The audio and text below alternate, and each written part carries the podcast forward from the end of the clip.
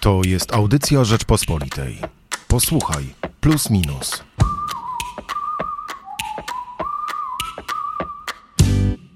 Jak co tydzień spróbujemy Państwa zachęcić do sięgnięcia po magazyn Plus Minus, ale też sobie porozmawiamy. Oczywiście o jednym temacie, jednym, jedynym, który w tej chwili jest i mam nadzieję, że trochę pogłębimy też dzisiaj to, co znalazło się w najnowszym wydaniu Plusa Minusa. Dzisiaj w takim redaktorsko-dziennikarskim duecie Michał Płociński i Jędrzej Bielecki. Dziękuję Jędrzej, że sam się przedstawiłeś, jak pokazałem. Bo dzisiaj to chyba nawet nie trzeba zadawać ci pytań, prawda? To jest tyle tematów, które moglibyśmy poruszyć. Jak otworzymy magazyn Plus Minus, no to widzimy, że tej wojnie przyglądamy się właściwie z każdej strony. Na samym początku Bartosz Paszcza pisze o wojnie wygrywanej na TikToku. O tym, czym jest wojna informacyjna, jak to się dzieje, że Ukraina tę wojnę e, propagandową wygrywa, mimo że jeszcze przecież parę tygodni temu mm, powtarzaliśmy, po prostu byliśmy przekonani, że rosyjska machina propagandowa, te, te, wszystkie farmy troli, te wszystkie małe czy większe organizacje finansowane przez Kreml w Europie Zachodniej, że to wszystko jest potężną machiną, z którą ciężko nam będzie się zmierzyć, i nagle przyszła fala tsunami prawdziwych zdjęć, prawdziwych tragedii z Ukrainy. Pojawił się e, mąż stanu, prezydent e, Wołodymyr Zełenski i Rosji nie ma w wojnie informacyjnej. Przejdziemy trochę dalej, to mamy twój tekst, Mam wrażenie, że oba te artykuły, Jędrzej, się uzupełniają. Piszesz o konfrontacji na pokolenia i też o tych e, porywach e, sumienia i serc, e, które zmieniły, można powiedzieć, politykę niektórych zachodnich krajów, chyba najbardziej Niemiec. Dalej Eliza Olczyk rozmawia z Jackiem Kluczkowskim. To jest dyplomata, był ambasador w Ukrainie i w Kazachstanie. Geopolityczna decyzja Ukraińców. Ją wyjaśnia Jacek Kluczkowski, Elizie Olczyk. A dalej mamy już na przykład Piotra Zarębę, który przygląda się polityce jednego tematu, tak jak my dzisiaj mamy podcast jednego tematu i jak zachowuje się polska klasa polityczna. Bo musi oczywiście klasa polityczna każdego zachodniego kraju brać dzisiaj pod uwagę niewykluczony scenariusz wybuchu wojny światowej. Więc czy my jesteśmy na to gotowi? A Michał Dobrołowicz, kawałek dalej, e, pisze o pomocy i wspieraniu Ukraińców. Jak to robić z głową? Jak skrócić dystans? Jak pomagać, żeby ta pomoc miała sens? W tym tygodniu zmieniliśmy nawet zwyczajową nazwę naszego tematu numeru, bo zazwyczaj to była taka metafora kulinarna. Pisaliśmy danie główne, dzisiaj mamy taką czarną makietkę Ukraina w ogniu. To porozmawiajmy, Jędrzej, o tej Ukrainie w, w, ogniu i może zacznijmy od tematu, który przejawia się i w Twoim tekście, i w tekście Bartosza Paszczy. E, Paszcza jest specjalistą od nowych technologii, więc przygląda się te, temu TikTokowi. E, ty też e, dostrzegasz w swoim artykule jednak przewagę Ukrainy i to zdecydowaną przewagę w tej wojnie informacyjnej. Mogliśmy się tego spodziewać. Były jakieś przesłanki, które pokazywały, że Ukraina będzie tak świetnie przygotowana do tego nowoczesnego starcia?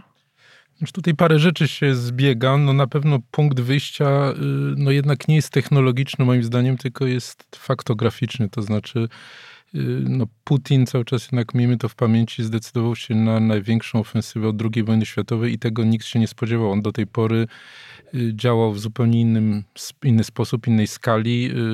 Starał się podnosić napięcie, ale samą groźbą uzyskiwać koncesje. Y, jeżeli zdecydował się na przejście do działania to punktowo w Czeczenii, w Gruzji na przykład w 2008 roku przecież nie uderzył na Tbilisi wtedy.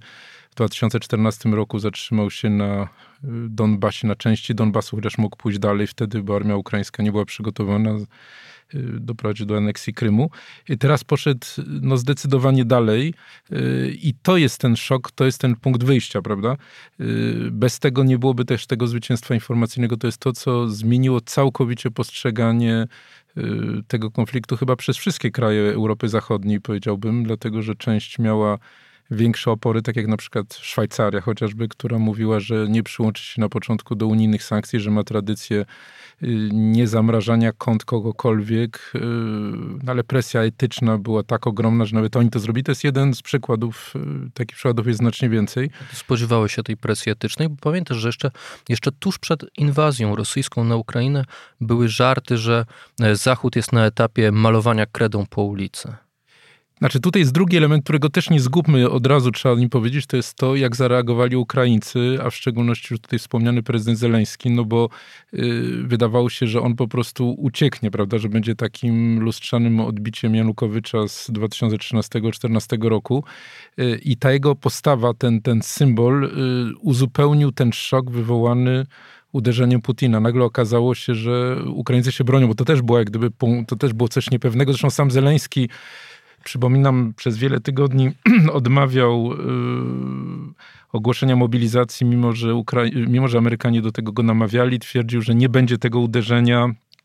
Mimo, że Amerykanie mówili, że owszem, będzie, miał fatalne notowania, przypomnę, nie był uważany za dobrego prezydenta, więc to jest też taki nagły obrót sprawy, to znaczy on wykorzystując y, no, swoje doświadczenia aktorskie, no, ale też wykazując się niezwykłą odwagą, y, odmówił wyjazdu z Kijowa y, w sposób krótki, ale bardzo taki... Słynne słowa, potrzebuje amunicji, a nie podwózki.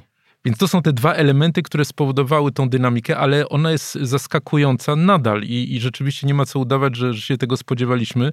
Na przykład jednym z elementów, które mi się wydają są, są, są wyjątkowe, to jest chociażby reakcja samych koncernów zachodnich. No, wydawało się, że one jednak się kierują tylko i wyłącznie zyskiem.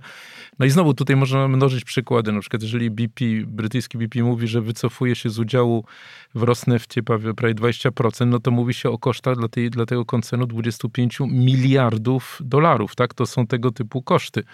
Y, jeżeli na przykład Apple mówi, że nie będzie więcej sprzedało na rynek rosyjski, no to jest rezygnacja z jednego z y, najważniejszych dla nich rynków y, bardzo dochodowych. Takich przykładów jest, jest, jest dużo więcej, więc nawet na tym polu jest bardzo duże zaskoczenie. No dobra, kluczowa jest tu presja, bo Bartosz Paszcza pisze tak. W tych dniach odkrywamy budującą prawdę. Dzięki nowoczesnym technologiom wolny, aktywny, politycznie e, e, aktywny człowiek wyrażający swoje zdanie nie pozostaje bezradny wobec zła. Ma wpływ na kształt globalnej debaty w sieci, a przez to zwiększa społeczną presję na władzę. Masa takich obywateli może wygrać nawet z tak sprawną maszyną propagandową jak e, rosyjska. Okazało się, że w tym świecie internetu, który już tak naprawdę trochę pożegnaliśmy się z tymi mitami, że internet uczyni świat wolnym, że da nam większą władzę, że pozwoli ludziom się jednoczyć, prawda? Już uwierzyliśmy, że internet jest zły, te algorytmy to one psują człowieka, te globalne koncerny, one myślą tylko o zysku i chyba nagle się okazało, że jednak dzięki temu internetowi jesteśmy w stanie rzeczywiście zmieniać losy świata. Znaczy, ja bym jednak się upierał przy innej kolejności. Znaczy, ja bym się jednak ubierał przy kolejności y, najpierw wydarzeń realnych na miejscu, a potem bym widział internet jako narzędzie, które pozwoli y, z tym walczyć. Dlatego, że co zrobił Putin, zresztą on tego nie ukrywał. Y, przypomnę to, co w lipcu napisał w tym słynnym, takim długim, historycznym eseju swoim, w którym mówił, że Ukraina tak naprawdę nie jest oddzielnym państwem i, i, i że jest państwem sztucznym, w ogóle nie powinno istnieć on jak gdyby zawrócił całą logikę y, polityczną, y, przynajmniej do epoki y, zimnej wojny. Mówiliśmy o tej logice wojskowej, że to jest po raz pierwszy taka ofensywa od 80 lat. Tutaj mamy logikę polityczną, która została cofnięta przynajmniej o trzy dekady. I to jest coś, co jest nie do zaakceptowania dla Zachodu, nie do zaakceptowania dla koncernów, nie jest do zaakceptowania dla nikogo, no dlatego że to oznacza koniec globalizacji, to oznacza koniec jakichkolwiek reguł prawa, to oznacza, że na przykład, już trzymając się przykładu tych wielkich firm, że można po prostu odebrać im ich, ich, ich własność, co zresztą w tej chwili robi robi Rosja, więc nagle same podstawy też tego internetu, bo za chwilę on może być wyłączony, czy jest wyłączony, jest ograniczony w Rosji, to wszystko się wali. Wydawało się, że po prostu no nie ma takiej możliwości. Mi się wydaje, że jest ciekawa debata, jak do tego Rosja doszła, dlaczego y, poszła znacznie dalej tutaj niż na przykład y, Chiny, z czego to, z czego to wynika. Y, no ale właśnie powiedziałbym, że, że, że, że to jest ten punkt, który spowodował taką, a nie, nie, inną reakcję świata. Zresztą dzisiaj mamy, dzisiaj w nocy mieliśmy głosowanie, mówię o, o, o nocy z y, środy na, na czwartek, głosowanie w Radzie, w Radzie Bezpieczeństwa i, i w ONZ nad rezolucją potępiającą y, Rosję. No tutaj pięć krajów głosowało przeciw, tak? No to mówimy o takich krajach jak Erytrea, Korea Północna. Syria, y, więc, y, więc, więc Rosja znalazła się zupełnie izolacyjna, Chiny się wstrzymały od głosu. No dlaczego? No dlatego, że podważyła podstawy, na których stoimy. I tutaj jak gdyby y, kwestia internetu ma na, na pewno duże znaczenie w sensie docierania bezpośrednio do opinii publicznej, natomiast musi być pożywka do tego i ta pożywka, jak gdyby ten, ten, ten, to źródło tego jest jak najbardziej realne, a nie wirtualne. Ale to czekaj, to e, nie, nie wiem, gdzie się zatrzymamy, a dokąd chcesz tak naprawdę dojść w tej swojej analizie. Czy to znaczy, że możliwe, że ten szczery, to szczere oburzenie e, zachodnich internautów, ono zostało trochę też wykorzystane przez, e, nie wiem, Stany Zjednoczone, wykorzystane trochę przez koncerny, by po prostu mieć argumenty do tego, by, by zaatakować Rosję? Nie, ja bym, tak, ja bym tak nie powiedział. Ja bym powiedział, że po prostu... Jednak była presja, tak? I, znaczy, że to, to, to jest, no weźmy na przykład konkretny przykład Olafa Scholza, y, który, kanclerza Niemiec, który jeszcze w grudniu tutaj w Warszawie y, w czasie tej pierwszej wizyty swojej mówił, że Nord Stream 2 jest stuprocentowo projektem gospodarczym, nie ma w ogóle żadnych implikacji politycznych i tak dalej, po czym y, przemawia w, 1 marca w, w Bundestagu y, i, i, całkowicie odwraca politykę niemiecką. No, on tego nie robi, mówi, mówi o tym, że rozpoczynamy sprzedaż broni, y, mówi o tym, że Nord Stream 2 jest jak gdyby sprawą zamkniętą, mówi o tym, że przede wszystkim, że budżet wojskowy Niemiec skoczy do powyżej 2% i oprócz tego będzie jednorazowy fundusz 100 miliardów euro. I prawda jest taka, że w kilka minut odwraca o 180 stopni kilkadziesiąt lat polityki niemieckiej. Polityki niemieckiej, także tej Ostpolitik, czyli tego, tej próby rozmiękczania y, Związku Radzieckiego, potem Rosji poprzez coraz większą współpracę i, i współzależność. No on tego nie robi jednak, dlatego że w internecie huczy, tylko dlatego, że to jest wynik y, po prostu analizy, że zresztą to, to, to, to, to mówił mi ambasador Niemiec, że jeżeli teraz nie zareagujemy bardzo mocno, y, no to następny będzie NATO, no to następne będą już bezpośrednio Niemcy. Cały porządek, zresztą no mówimy o, o kraju, który jest czołowym eksportem świata, żyje z globalizacji, no i jeżeli na coś takiego pozwolenie, to w ogóle wali się także jak gdyby cały model gospodarczy, prawda, Niemiec. On zresztą może tutaj akurat jeszcze tylko dokończę z, z tą analizą ambasadora Loringhofena. On, on tłumaczył, dlaczego, dlaczego to tak długo trwało, dlaczego Niemcy tak długo jak gdyby y, były gotowe utrzymywać tą współpracę, której symbolem y, był Nord Stream 2 z, z, z Rosją.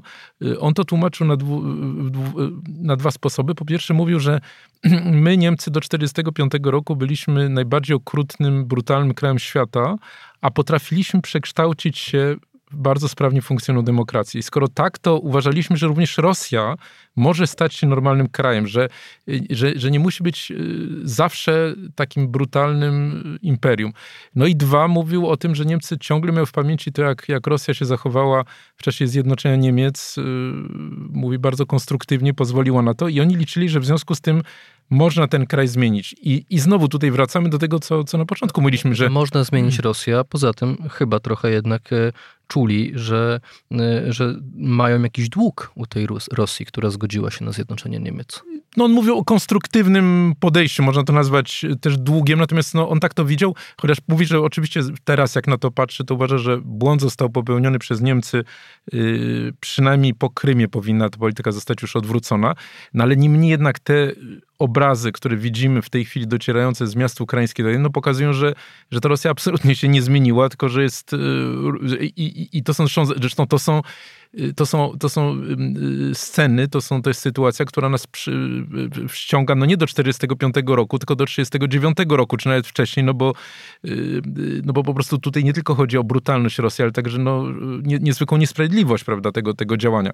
Więc, więc wszyscy są zaszokowani, chyba nie ma co udawać, że, że ktoś z nas to wszystko przewidział i wiedział, że tak to będzie i, i jeśli chodzi o to zjednoczenie Zachodu, jeśli chodzi o te e, sankcje, o zachowanie koncernów, to myślę, że nawet najwięksi optymiści są dzisiaj w szoku, że tak szybko to poszło, że Niemcy w trzy dni e, przyłączyły się e, nawet do zaopatrzenia Ukrainy w broń i to w bardzo nowoczesną broń, nie tylko tą poenerdowską.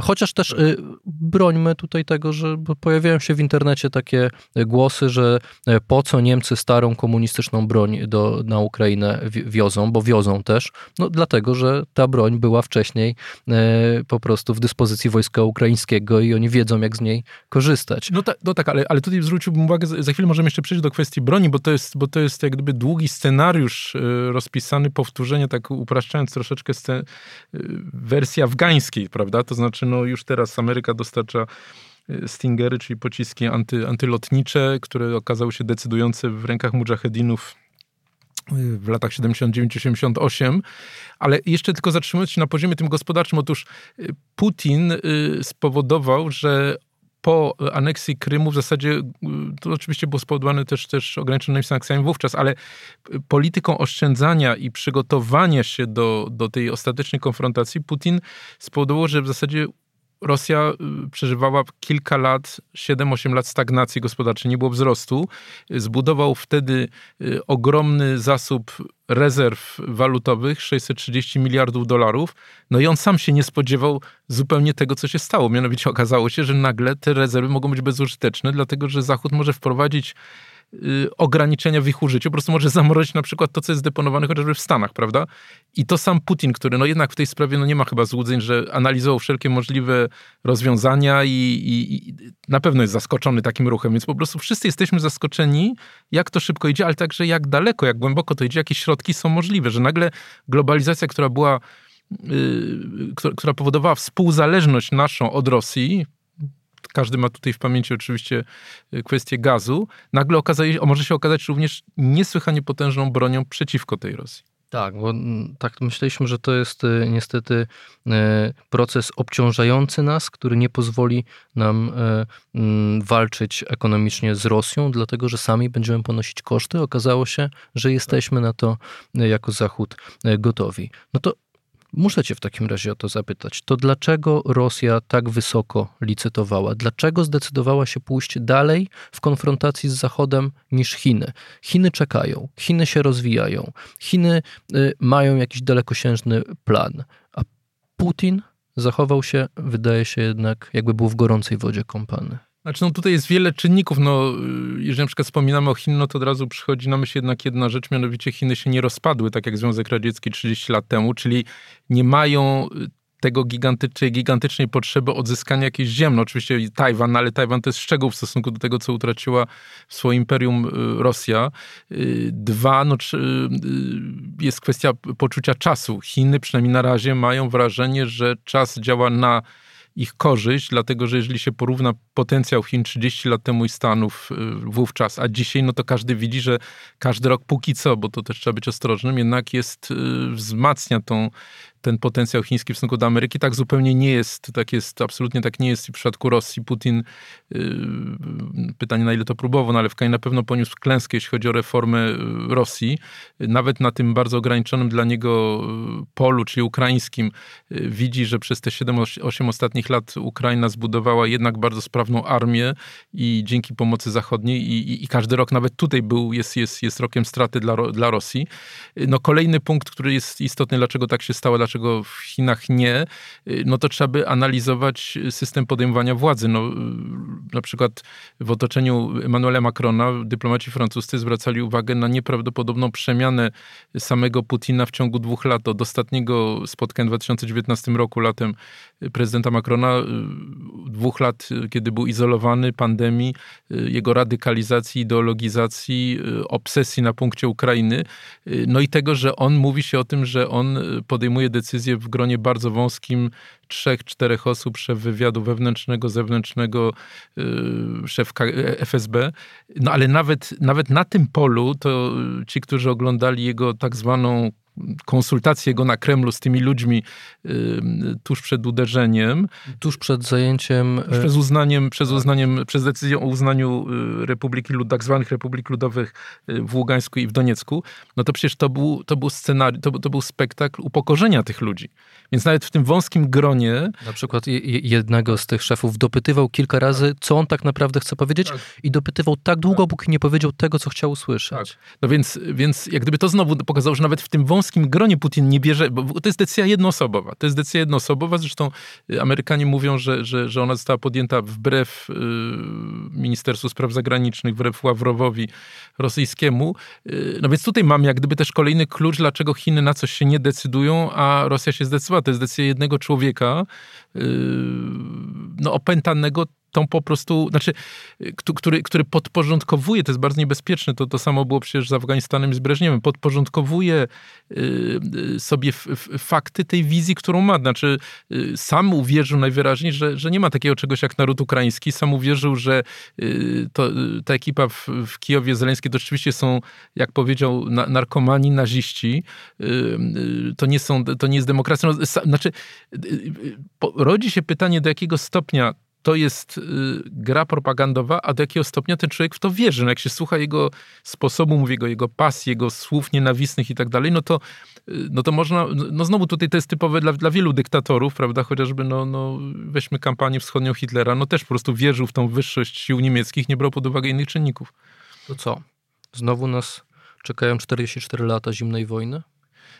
Y, no, to oczywiście bardzo trudno mówić o jakimś y, okresie. Faktem pozostaje, że y, no ja akurat miałem taką, taką, taką okazję dwa dni temu rozmawiać z Borysem Johnsonem. No on akurat mówił coś takiego, że po prostu przed nami długi bardzo okres, długi bardzo okres konfrontacji, potrzebna będzie determinacja, potrzebna będzie cierpliwość. I piszesz wprost w plusie minusie, konfrontacja na pokolenie. I tak, dlatego że tutaj jest podstawowa y, jednak rzecz, o której nie mówiliśmy, to też jednak dla uczciwości trzeba to, to, to, to jasno wyartykułować.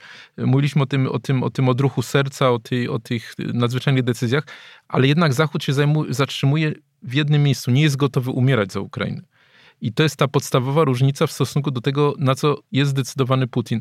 Y, na pytanie, czy NATO, czy Wielka Brytania byłaby gotowa stworzyć taką strefę zakazu lotów nad Ukrainą, przynajmniej, przynajmniej części Ukrainy, żeby ratować tych ludzi, y, y, Boris Johnson, ale to, to trzeba powiedzieć od razu, że to nie tylko on, tylko wszyscy, tak samo Polska, mówi nie, dlatego że to by oznaczało bezpośrednie starcie z rosyjskimi samolotami. No nie ma na to zgody. I jeżeli z góry Zachód sobie odbiera tą, tą gotowość do bezpośredniej konfrontacji na Ukrainie. To by oznaczało wybuch III wojny światowej. No, przynajmniej bardzo duże ryzyko, tym bardziej, że Putin sam przecież postawił w stan gotowości najwyższej siły jądrowej, więc to wszystko jest na pewno bardzo niebezpieczna gra. Czy od razu trzecia wojna to nie ma, ale, ale na pewno to jest coś, czego unikano w czasie zimnej wojny, prawda? Czy, czy, czy w Korei, czy w Wietnamie zawsze były teoretycznie inne siły, nie było bezpośredniej konfrontacji rosyjsko-amerykańskiej, prawda, nigdy, więc, więc y, do, doszło do, świat był u progu właśnie takiej wojny y, światowej w 1962 roku na Kubie, ale też znowu wtedy Chruszczow się cofnął, prawda? Znaczy Kennedy się nie cofnął, Chruszczow się cofnął. Y, zresztą potem dlatego dwa, dwa lata później musiał oddać władzę, co na pewno ma w pamięci Putin. Więc tutaj, tutaj jak gdyby no, z tego powodu, ponieważ Zachód jest gotowy użyć daleko idących środków, ale środki, ale, ale, ale gospodarcze, a nie wojskowe, no to dlatego ta konfrontacja będzie, będzie na pewno bardzo długa. No i druga rzecz, która, która powoduje, że tak będzie, no to, to, to mówią zachodni dyplomaci, to jest ta bezwzględność Putina. No on y, jest bardzo prawdopodobne, że na przykład będzie chciał zabić y, prezydenta Zeleńskiego, że będzie posunie się do, w tych dniach do takiej dywanowej, y, dywanowych nalotów do, do użycia taktyki, jaką wykorzystał w Czeczeni, w Groznym, w Syrii. Więc on jest, on jest absolutnie bezwzględny, więc jak będzie widział, że, że przegrywa, no to będzie do tego, do tego się posuwał. Więc, więc to wszystko powoduje, że trudno spodziewać się, że ta konfrontacja skończy się od razu, a nawet gdyby padły wszystkie miasta, co jednak może nastąpić na Ukrainie, no to, to, to Ukraińcy będą nadal walczyli, będzie to taki konflikt, który będzie się toczył tuż za granicą Polski bardzo długo, no i, i, i stąd ta konstatacja. Odwróć magazyn swój, weź plusa, minusa, rozłóż. Zobacz, dzisiaj mamy okładkę przednią i tylną, które tworzą jedną całość. Taki myk. No, w końcu mamy specjalne czasy, które wymagają specjalnych rozwiązań. Jak Państwo sobie tak rozłożą tę układkę i położą po prostu na całą szerokość gazetę, to zobaczą, że tym razem hasło jest na okładce tylnej, żeby też nie brudzić na pięknym rysunku z samego przodu. I mamy tutaj napis, który wspólnie z kolegami redaktorami uzgodniliśmy. Wspólnie zwyciężymy. Wspólnie, czyli Polska i Ukraina. Możliwe, że ta Polska nawet tutaj symbolizuje Zachód. Jak ty się odnosisz do tego hasła? Yy, znaczy ja mam, ja, ja, ja zawsze się y, obawiam troszeczkę koncentracji na, na Polsce. W sen... Staliśmy się krajem frontowym już. Staliśmy się, staliśmy się na pewno krajem frontowym, natomiast uważam, że w tym sensie jest to bardzo celne, y, że to właśnie pokazuje, że będziemy interpretowali jako, y, jako symbol całego Zachodu i całego wolnego świata, że to, co miało być konfliktem lokalnym, to, co miało być, mimo że dotyczącym drugiego co do wielkości kraju Europy, no stało się taką tytaniczną rozgrywką, y, no właśnie globalną. I to, i to chyba we wszystkich tych tekstach, o których wspomniałeś, jest, jest w jakiś sposób no, powiedziane, prawda? Bo na przykład chociażby ten pierwszy tekst, który mówi o wpływie internetu na, na opinię publiczną światową znowu, prawda? No nie ukraińską, nie sąsiednich krajów. Jak wygrywa się wojny w czasach TikToka. Tak, więc, więc, więc, więc z całą pewnością y, y, mówiliśmy na przykład chociażby o Niemczech, prawda? O tym, że polityka, y, y ta Ostpolitik, która zaczęła się z, z, Brandtem na, pod koniec lat 60., na początku lat 70., 50 lat temu, y, nagle jest odcięcie od niego. No to znowu jest to, jest to skala globalna. No Niemcy są graczem globalnym też, prawda? Więc więc tutaj widzimy takie... Chyba wracają do tej roli bycia graczem globalnym. Gospodarczo były, no, no w każdym razie na pewno są krajem nielokalnym, prawda, no w tym sensie, więc, więc w tym sensie uważam, że, że to jest dobre ustawienie y, tematu, tak. Nie pozostaje nam w takim razie nic innego, jak zaprosić Państwa do kiosków oraz na nasz portal www.rp.pl. Poza artykułami, o których rozmawialiśmy na początku, to jeszcze poleciłbym tekst Jacka Borkowicza o jednej wierze, ale wielu cerkwiach, bo to też jest bardzo skomplikowany problem, jak zachowują się poszczególne cerkwie w świecie, oczywiście chrześcijaństwa bizantyjskiego.